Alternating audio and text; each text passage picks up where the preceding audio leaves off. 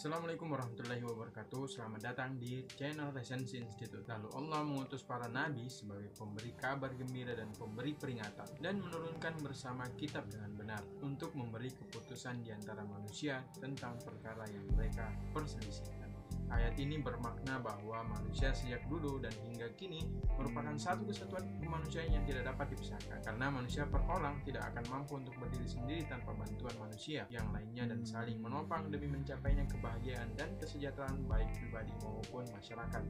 Bahkan perbedaan ini terjadi pada saat zaman Nabi Muhammad SAW tetapi pada saat itu perbedaan tersebut tidak mengakibatkan kekufuran.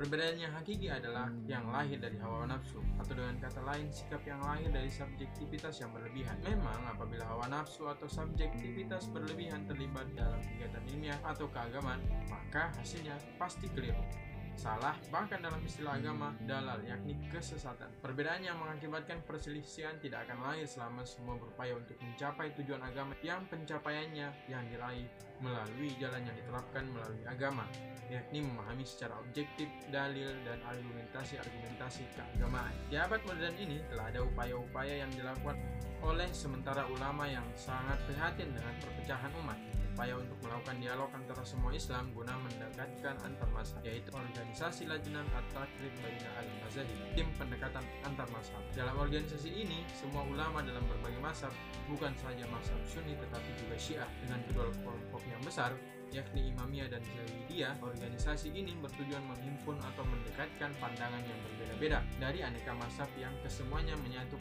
pandangannya dalam prinsip-prinsip ajaran agama, tetapi dipisahkan oleh kesalahpahaman atau fanatisme sementara pengikutnya. Melalui majalah yang mereka terbitkan dengan nama Risalat Al-Islam, mereka mendengungkan persatuan dan kesatuan umat. Sayang, setelah enam tahun lamanya majalah itu bertahan, ia terhenti pada tahun 1964 Masehi.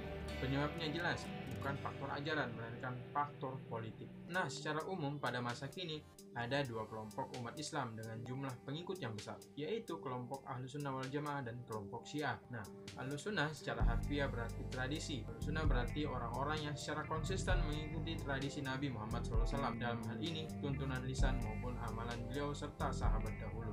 Sedangkan Syiah perlu digarisbawahi bahwa kelompok Syiah pun menamai diri mereka sebagai Ahlus Sunnah dalam pengertian bahwa mereka juga mengikuti tuntunan sunnah Nabi dan memang semua kaum muslimin harus mengakui dan mengikuti sunnah Nabi Muhammad SAW karena tanpa mengikutinya seorang muslim tidak akan sempurna ajaran Islamnya. Kata Syiah secara etimologi atau kebahasaan berarti pengikut, pendukung, pembela, pencinta yang kesemuanya mengarah kepada makna dukungan kepada ide atau individu dan kelompok tertentu. Salah satu ulama beraliran Syiah memberi definisi tentang Syiah adalah bahwa mereka adalah kelompok yang meyakini bahwa Nabi Muhammad SAW telah menetapkan dengan nas atau pernyataan yang pasti tentang khalifah atau pengganti beliau dengan menunjuk Imam Ali. Terus pertanyaannya adalah, bisakah Sunnah dan Syiah bergandengan tangan? Perbedaan bukan berarti perselisihan.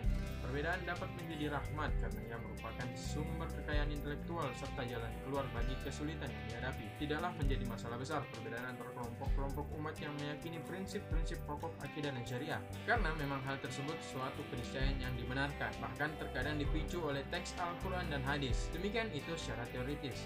Perbedaan-perbedaan itu baru akan berbahaya jika disertai dengan fanatisme buta.